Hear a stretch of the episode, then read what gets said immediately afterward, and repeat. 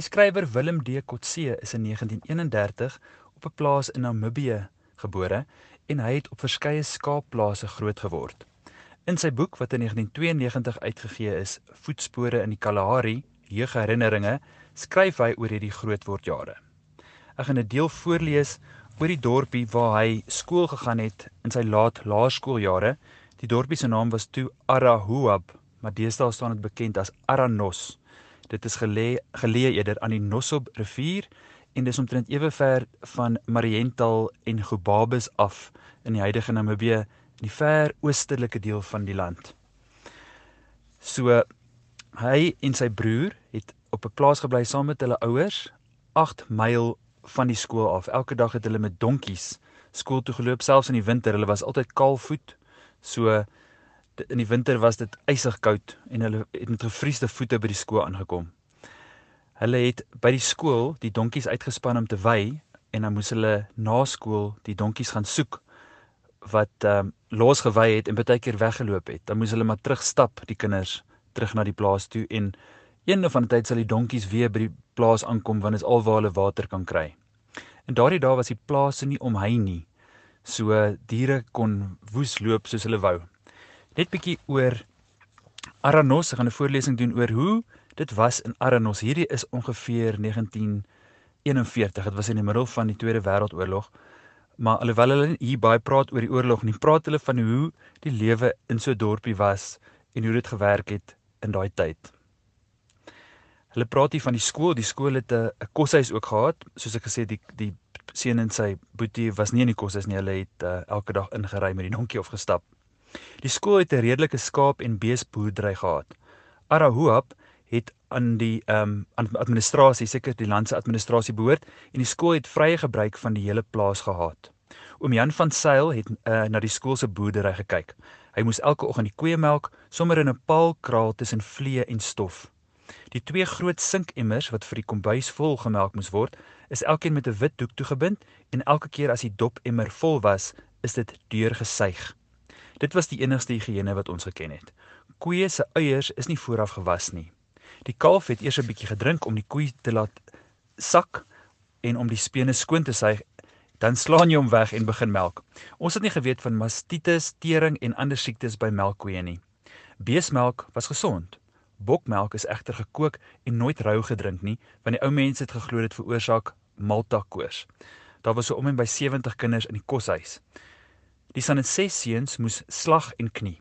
Elke oggend voor skool het hom Jan 2 of 3 slaggoed uit die trop gevang, afhangende van hoe groot die vetste hammels is. Soms is bok kapaters ook geslag. Die slagspan van 4 man kon die punte van die karakula se kar, karakule se vetsterte afsny en saam met een lewer in die kole braai as hulle klaar geslag het. Die bakspan het ook uit 4 man bestaan wat 2-2 in 'n groot sinkbad, sinkbad geknee het. Daar's elke tweede dag gebak. Die kok het vir die bakspan 'n plat roosterbrood bo op die groot koelstoof gebak wat hulle tydens die pouse daar by die kombuis gaan haal het. Daar was nie konfyt vir die roosterbrood nie, maar die harde, effens swart gebrande korsie was lekker genoeg om die roosterbrood sonder konfyt te eet. Benewens die skool en koshuis was daar 'n polisiestasie, oom Jan se paal en kleihuis met sy sink met sy grasdak eerder en die vinknes van oom Hendrik Steyn. Die vinknes was soos sy naam sê, 'n klomp aan mekaar gelapte kamers. Oom Hendrik het kamers verhuur wanneer die jaar se katkesante 14 dae lank moes katkiseer. Die dominee het 4 keer per jaar van Mariental afgekom om nagmaal te bedien en kinders te doop. Dit het in die eetkamer van die koshuis plaasgevind. Daar was nie 'n winkel nie. Smouse, wat ook maar skaars was, het van Gobabis af die negosieware en sis langs die rivier af aangery totdat die vrag uitverkoop is. Baie kere het hulle omgedraai lank voordat hulle op Arahuap gekom het.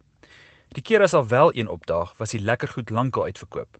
Dan koop die koshuiskinders maar 'n tikkie se bruin suiker en eet bietjies bietjies daaraan of hulle gooi daarvan in 'n bottel met water en vat so nou en dan 'n groot sluk uit die bottel. Arahoop het net twee waterbronne gehad: 'n windpomp met 'n groot sinkdam waar die koshuis se vee gesuip het en 'n 500 gelling opgaar tank waarvandaan die koshuis en polisiestasie per pyp van water voorsien is. Oom Jan van Sail hulle en die Vinknes se mense moes water met emmers aandra vir huisgebruik.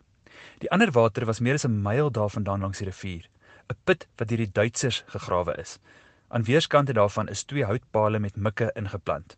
'n Dik reguit kameelboompaal met twee eysterslingers aan elke end is bo op die put op die twee pale geplaas sodat 'n slinger in elk van die mikke rus.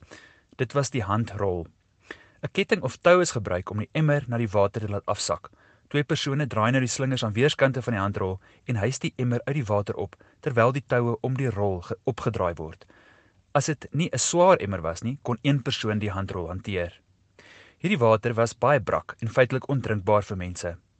Nadat die Duitsers Arahuap in 1915 na die verowering van Deutsch Suidwes-Afrika verlaat het, het die put feitelik in onbruik verval.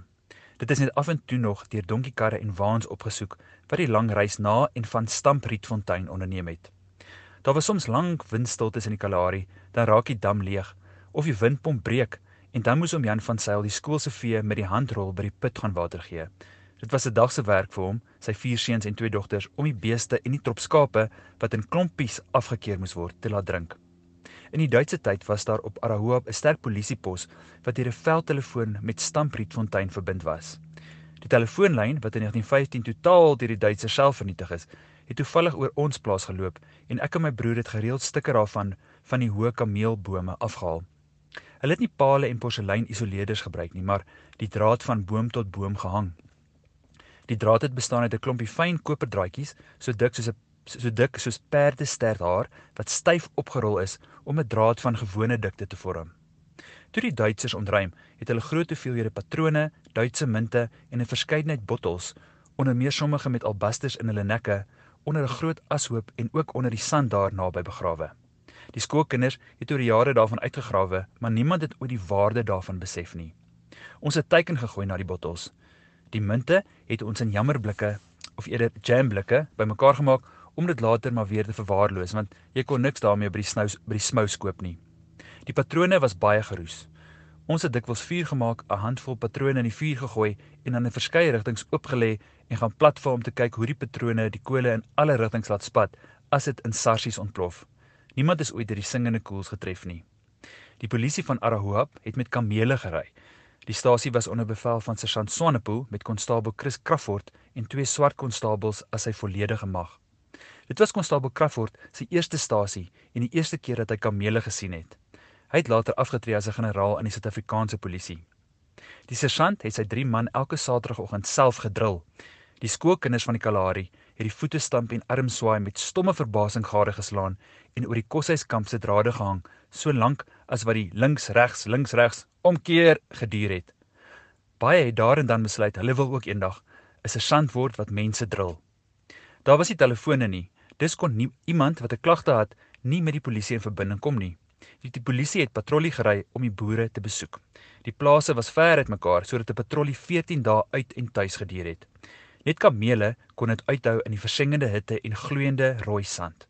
'n Polisieman moes in volle mondering, rybroek en baadjie, kamaste met blink gepoetste stewels en helm die Kalahari aandurf. Dit was polisie instruksies en die patrollie is deur die sergeant geïnspekteer voor hulle die pad vat. Konstabel Crawford en een swart konstabel het saam op patrollie gegaan terwyl die sergeant en die ander swart konstabel die stasie beman. Laasgenoemde moes die ander drie kamele versorg en die stasie terrein netjies hou. Genoeg kos vir 14 dae en kooigoed moes saamgaan. Hiervoor is 'n pak kameel gebruik. So 'n patrollie van twee gestewelde konstabels en 'n volgelaaide pakkameel was 'n indrukwekkende gesig as hulle die plaas plaaswerf binne binne gery kom. Kleintjies het weggehardloop as die kamele begin brul terwyl hulle onder aansporing van die ruiters se koes koes koes op hulle knieë afsak.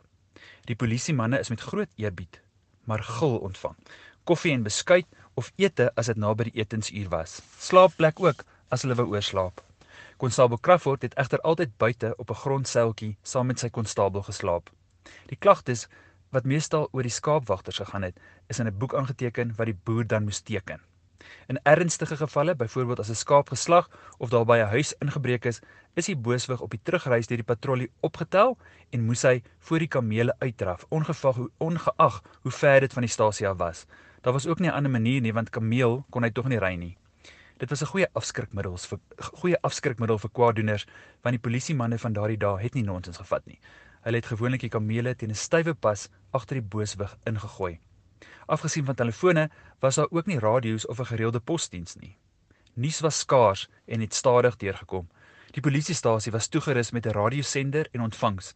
Die poskantoor op Mariental kon telegramme daarin stuur en die polisie het per radio vir die publiek telegramme na Mariental toegestuur, waarvandaan dit dan op die gewone manier versend is. Ouers wat kinders by die koshuis kom haal het, dit het selde gebeur want die enigste rygoed was 'n kar en 4 donkies of 'n ligte wa en 6 donkies en dit was lang afstande, het by die polisiestasie aangedoen en telegramme saamgeneem as dit aan iemand op hulle pad gerig was. Berigte oor siekte was dikwels lankal doodstydings teen die tyd dat daardie telegramme die mense bereik. So, dit is dit. Dit is die storie van Arahoop, vandag Aranos en dit kom uit die boek Voetspore in die Kalahari jeugherinneringe deur Willem D Kotse uitgegee deur Tafelberg.